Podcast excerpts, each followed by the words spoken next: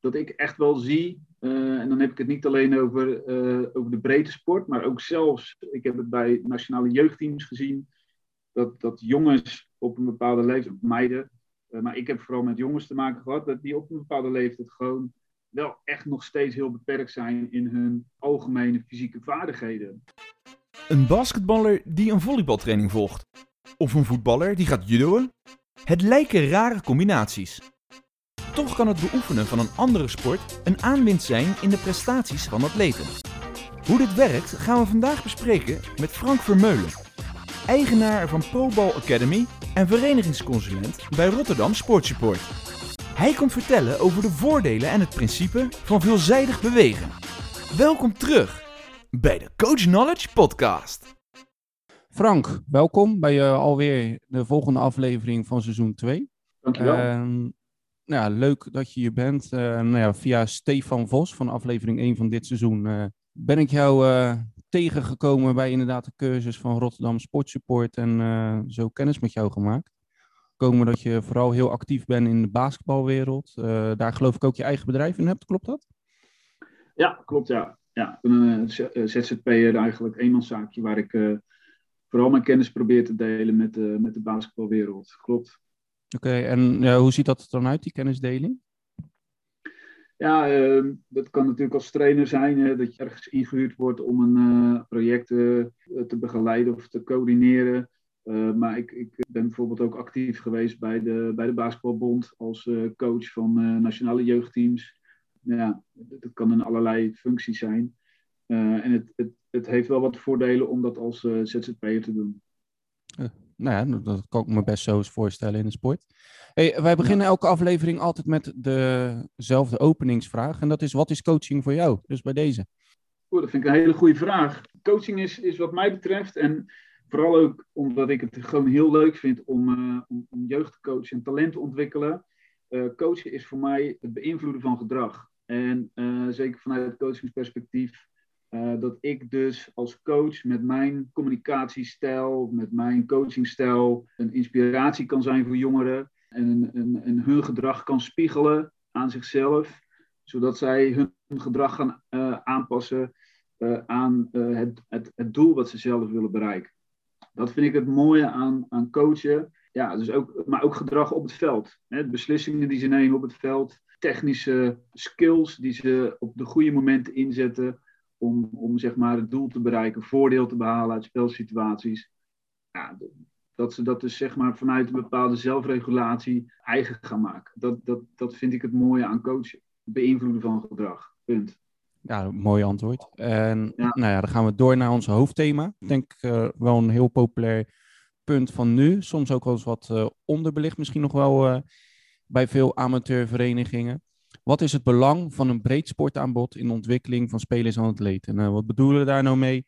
Heel veel sporten, nou ja, bijvoorbeeld basketbal, voor mij dan voetbal en jij op hockey, die houden het bij hun sport zelf. Terwijl uiteindelijk het algemene bewegingsmotoriek steeds meer achteruit gaat, is wat we horen vanuit uh, alle berichten.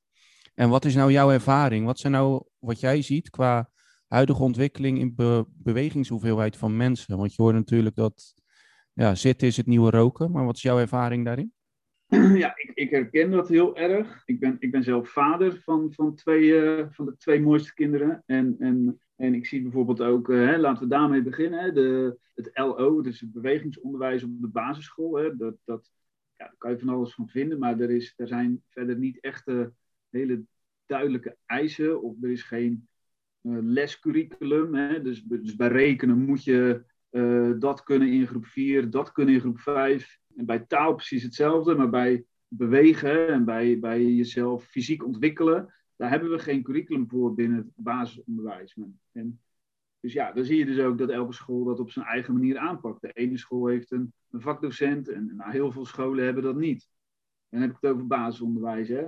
Dat is al denk ik al een begin dat je, dat je ziet dat, dat uh, kinderen ja, toch wel beperkt uh, zichzelf ontwikkelen. En ja, mijn ervaring vanuit de basketbalwereld is ook wel echt dat, dat ik echt wel zie, uh, en dan heb ik het niet alleen over, uh, over de breedte sport, maar ook zelfs, ik heb het bij nationale jeugdteams gezien, dat, dat jongens op een bepaalde leeftijd, meiden, maar ik heb vooral met jongens te maken gehad, dat die op een bepaalde leeftijd gewoon wel echt nog steeds heel beperkt zijn in hun algemene fysieke vaardigheden. Ik noem dat even grondvormen van bewegen, basic movement skills. Hè. Ik, ik, ik, ik, bekijk dat dan even vanuit uh, de, de, de theorie van uh, veelzijdig bewegen. En dat is wel, denk ik, een oorzaak van uh, ook het feit, dus aan de ene kant dat we beperkt bewegingsonderwijs hebben op, op basisscholen, maar aan de andere kant ook dat we als sport kinderen steeds sneller en eerder willen binnenhalen, zeg maar.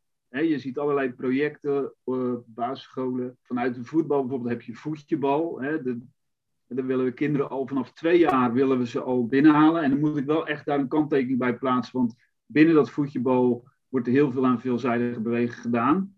Dus dat vind ik dan ook wel weer een, een, een grote plus aan, aan uh, dat project. Maar ik zie bijvoorbeeld bij heel veel sporten dat we die kinderen zo snel mogelijk de, vereniging binnenhalen. Want dan hebben we ze alvast. Hè, mijn, mijn zoontje die kreeg al vanaf groep 1 kreeg hij al flyers mee naar huis. Van de korfbalverenigingen, van de handbalvereniging, de basketbalvereniging, kom lekker bij ons sporten. Ja, ik denk die twee, die houden natuurlijk iets in stand. Dus aan de ene kant niet zo heel goed uh, bewegingsonderwijs op school. En aan de andere kant heel eenzijdige bewegen op de vereniging.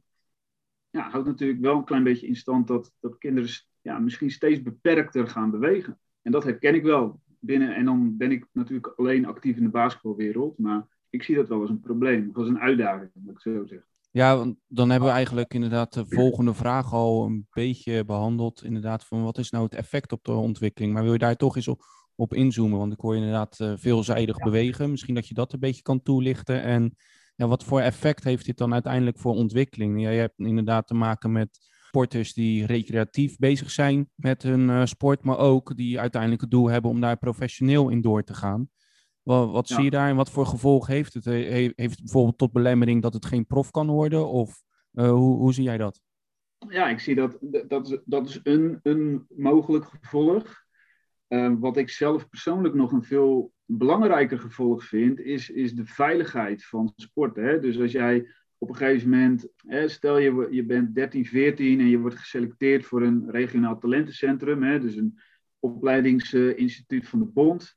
Hè, we gaan centraal trainen en je gaat uh, van uh, twee keer in de week, één keer in de week trainen als talentje, ga je ineens zes keer in de week trainen. Of je gaat, uh, weet je, vier keer, acht keer, weet je.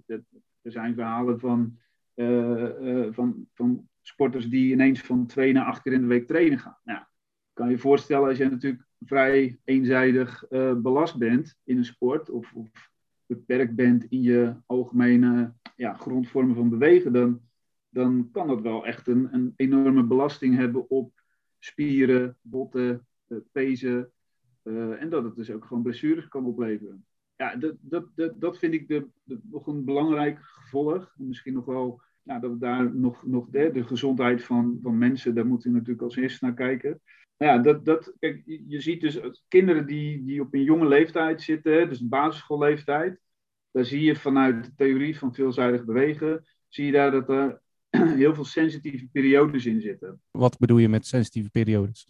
Ja, ehm, een sensitieve periode is, is een periode waarin zeg maar, je zenuwstelsel en je, je, gewoon je lichaam als, als, als kind open staat voor prikkels, hè, voor trainingsprikkels. Dus, ik, dus een, uh, twee voorbeelden, uh, bijvoorbeeld agility, dus je coördinatie. Daar hebben kinderen een sensitieve periode tussen 6 en 9 jaar, bijvoorbeeld. Hè. Dat, en dat is geen, geen harde grens of zo, geen fijne lijn. Maar dat is een periode waarin je ongeveer kan zeggen, nou, bij de onder 10 bijvoorbeeld, staan kinderen heel erg open voor coördinatietraining. Als je het hebt over uithoudingsvermogen, dus, dus aeroop, anaeroop uithoudingsvermogen, ligt die sensitieve periode pas, pas na 12, hè, dus in de middelbare schoolleeftijd. Dus uh, je kan je eigenlijk afvragen hoeveel uh, zin het heeft om een, uh, een kind van 8 te trainen op, op aeroop of anaeroop uithoudingsvermogen, terwijl het lichaam daar nog helemaal niet ontvankelijk voor is, zeg maar. Het, het, is, staat er nog niet, het is nog niet trainbaar. Kijk, en hetzelfde geldt voor bepaalde cognitieve vermogens, zoals aanpassingsvermogen, uh, ruimtelijk, uh, coördinaat, of ruimtelijk ori uh, oriëntatievermogen. Bijvoorbeeld het, ruimtelijk oriëntatievermogen, dat is iets, het zo uitleg van in de voetbal, dat je, dat je jouw positie ziet en weet. En dat je bewust bent van de ruimtes in het veld. dat je bewust bent van de tijd en van het inspelen, dat dat tijd kost en dat je daar naartoe moet naar die positie. Dat is pas, dat, dat is pas echt, echt goed trainbaar, ook weer vanaf, die, vanaf 10, 11, 12-jarige leeftijd. Dus, hè, dus als je als voetbalcoach bij de onder 7 al een positiespel gaat doen, ja, is niet, is niet, echt, ja, niet echt zinvol. Dus die sensitieve periodes, dat is heel interessant om als trainer om je daarmee bezig te houden. Uh, en daar is jezelf in te verdiepen, zodat je ja, echt gewoon veel gerichter kan trainen. Nou, en als we nu teruggaan naar uh, de gevolgen voor fysiek. Hè, jij vroeg natuurlijk van, wat is nou wat is dan het gevolg van die eenzijdige uh, bewegings, bewegingsaanbod?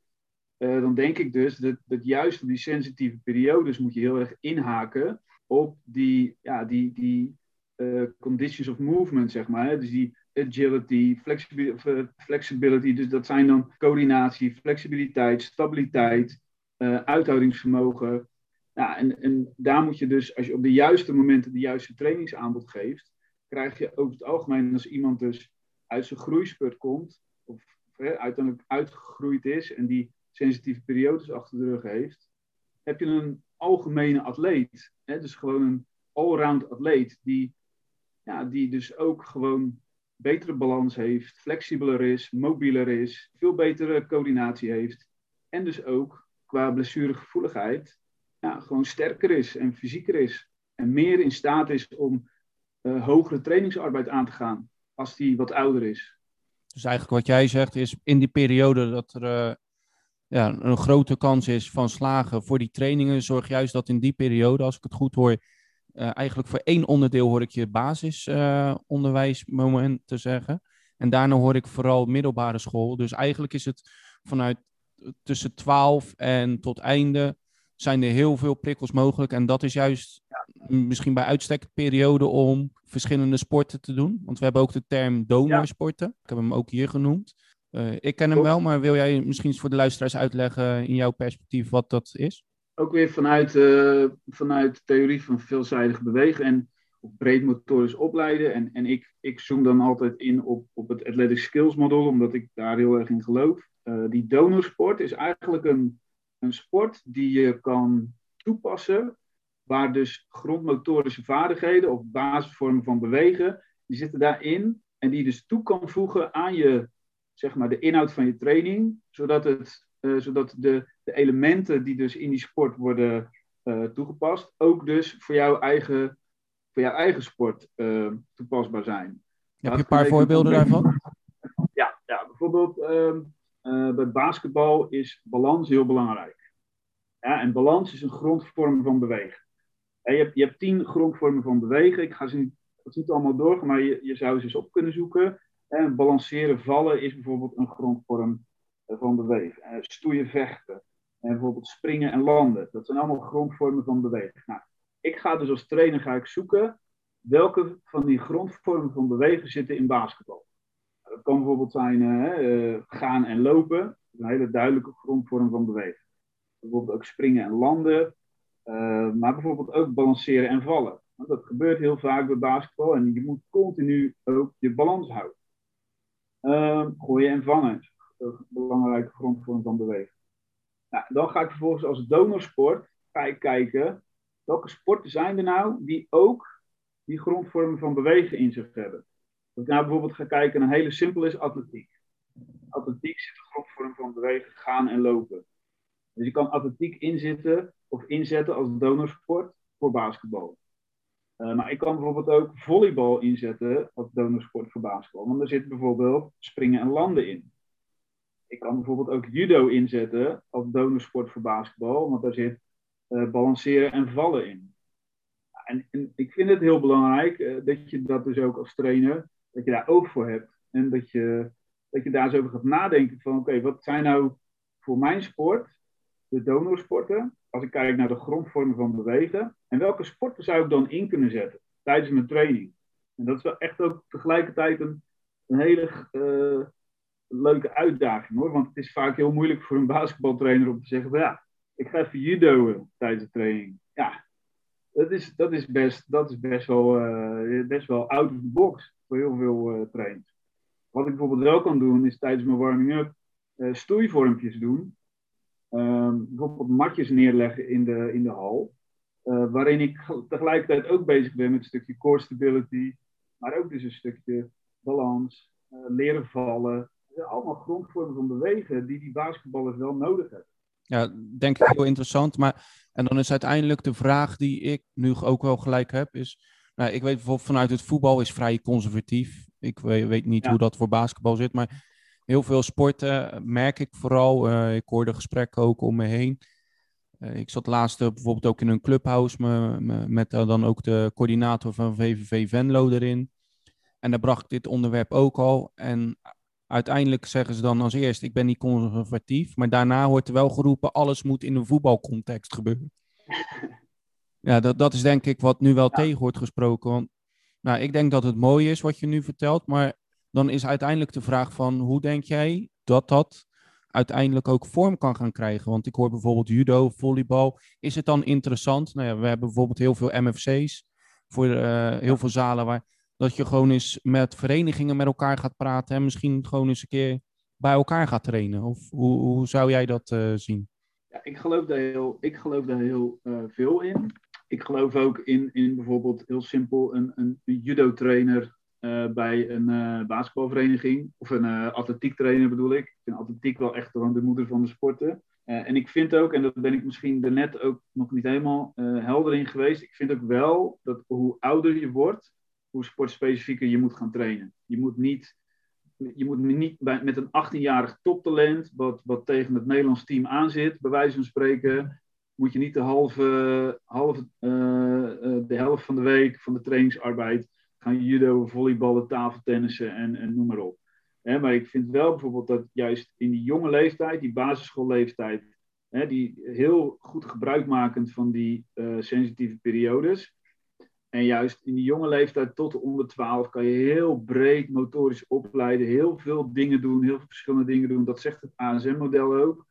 We gaan van heel veel plezier bij kinderen, heel veel afwisseling, heel veel uh, verschillende sporten, naar steeds, uh, naar, naar uiteindelijk ga je ergens uh, specialiseren. Dat is echt pas na je twaalfde. En dan als je op een gegeven moment gespecialiseerd hebt, dan kan je steeds meer naar die naar, die, ja, naar de, zeg maar de, de basis, de, de, sport waarin je echt gespecialiseerd hebt. Dat je bijvoorbeeld uh, basketballer. En dan nog zit daar wel heel veel eh, ASM in en adaptatievermogens en zo. Om, om weet je, een differentieel leren. Maar uh, dan pas ga je echt naar je specialisatiesport. Kijk, ik, vind, ik ben het wel deels eens met, met, uh, met de trainer van, van VVV. Maar dan is het heel erg afhankelijk van ja, welke leeftijdscategorie praat hij nou over praat hij het over de onder Ja, dit was echt middenbouw. Dus zeg maar uh, onder 13, onder 16. Echt middenbouw ja. ja. ging het over. Alleen even tussendoor, want ook voor de luisteraar, ik weet waar je het over hebt, maar je noemt de ASN-model. Maar ja. licht het even kort toe, zodat de luisteraar ook weet waar, waar we het over hebben. Ja, er zijn natuurlijk heel veel theorieën, wetenschappelijke literatuur al uitgebracht over breed motorisch opleiden of veelzijdig bewegen. Dat komt eigenlijk allemaal een beetje op hetzelfde neer. Dus dat je jonge kinderen met heel veel uh, bewegingsprikkels uh, belast. Uh, het ASM-model is een, dat is het Athletic Skills Model van René Wormhout Gerard Savelsberg. Ik, ik, wil dat boek echt aan iedereen aanbevelen. Ja, dat, dat geeft eigenlijk een hele praktische uitvoering aan dat veelzijdig bewegen. Veelzijdig bewegen is er gewoon een soort helikopter, of hoe noem je dat? Een, Containerterm. Dat noemen ze dat tegenwoordig, geloof ik. Ja, en als je het heel praktisch en concreet wil hebben in je hoofd, dan zou ik gewoon uh, eens gaan nadenken over dat, uh, en, dat boek lezen van uh, het ASM, het Letter Skills Model, want dat maakt het gewoon heel concreet.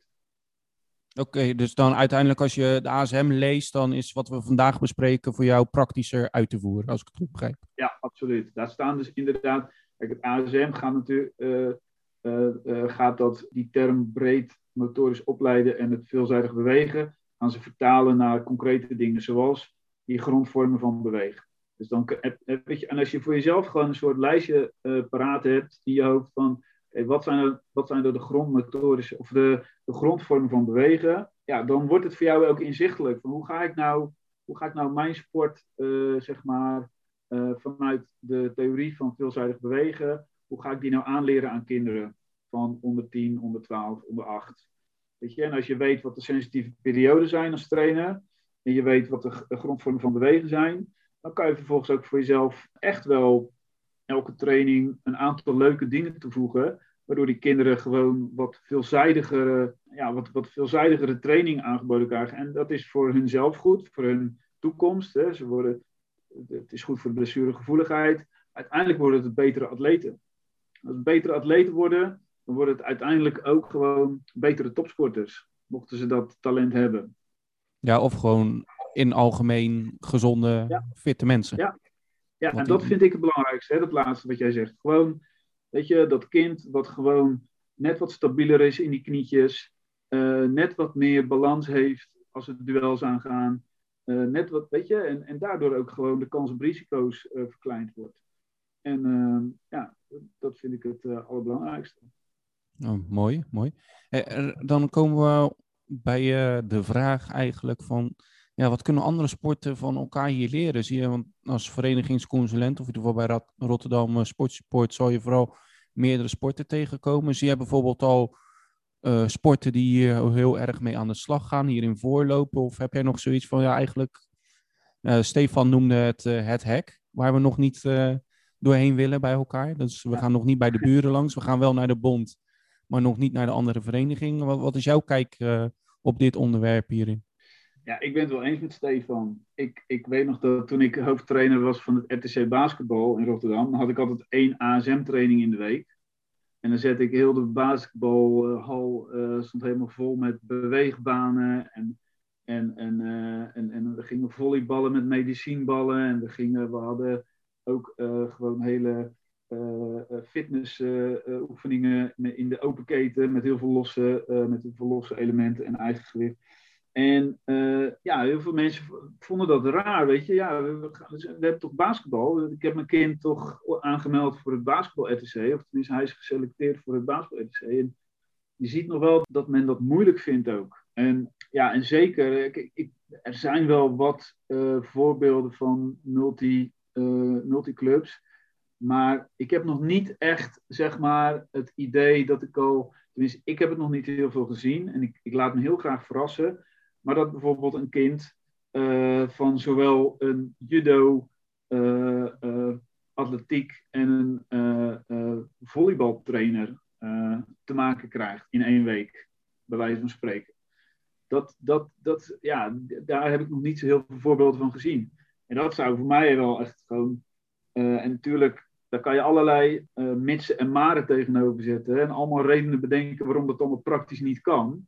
Maar we kunnen ook gewoon nadenken van oké, hoe zouden we dat nou wel kunnen organiseren? Ja, ik, ik ben het volstrekt eens met, met Stefan. We, we zijn denk ik ook mentaal misschien nog niet toe aan de stap om, uh, om kinderen gewoon echt super breed en uh, veelzijdig uh, op te gaan leiden. Nou, heel veel controverse denk ik ook. Ja, denk het ook. Weet je, het grappige is in Amerika bijvoorbeeld. Ik heb, ik heb ooit een, een basketballer uitgezwaaid naar een, naar een, naar een high school in Amerika.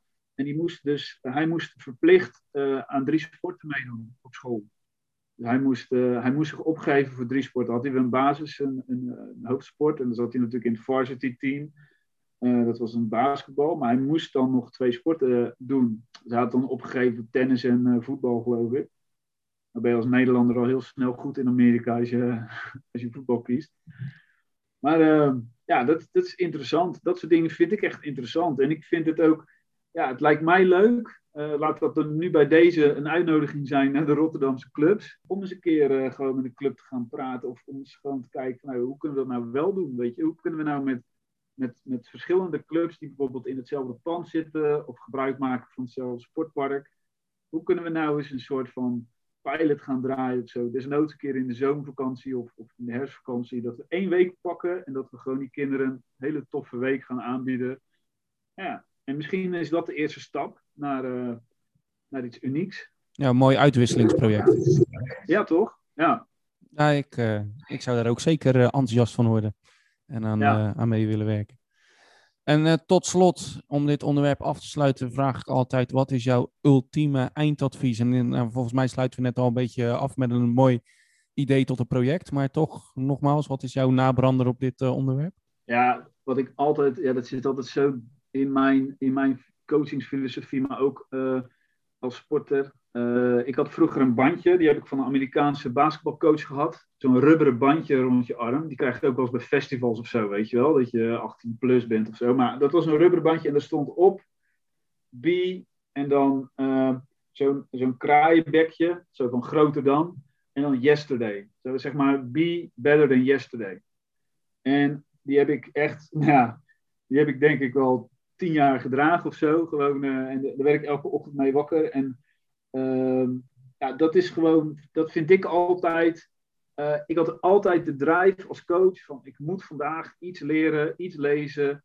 Ik moet vandaag feedback vragen van mijn, uh, van mijn spelers of van ouders, waardoor ik weer daarover kan nadenken en waardoor ik morgen of vandaag beter ben dan gisteren, of morgen beter ben dan vandaag. En uh, we zijn altijd heel erg druk bezig met uh, resultaat, winnen en, en, en weet je, maar in persoonlijke ontwikkeling vind ik altijd gewoon het allerbelangrijkste wat er is. En dat wil ik dan ook misschien meegeven aan de luisterende coaches. In plaats van uh, denken aan het resultaat van, van het weekend of aan het resultaat aan het einde van het seizoen. Bij de onder 15 van welke, noem elke club maar op, of team. Uh, denk eens aan de individuele ontwikkeling van je spelers elke week.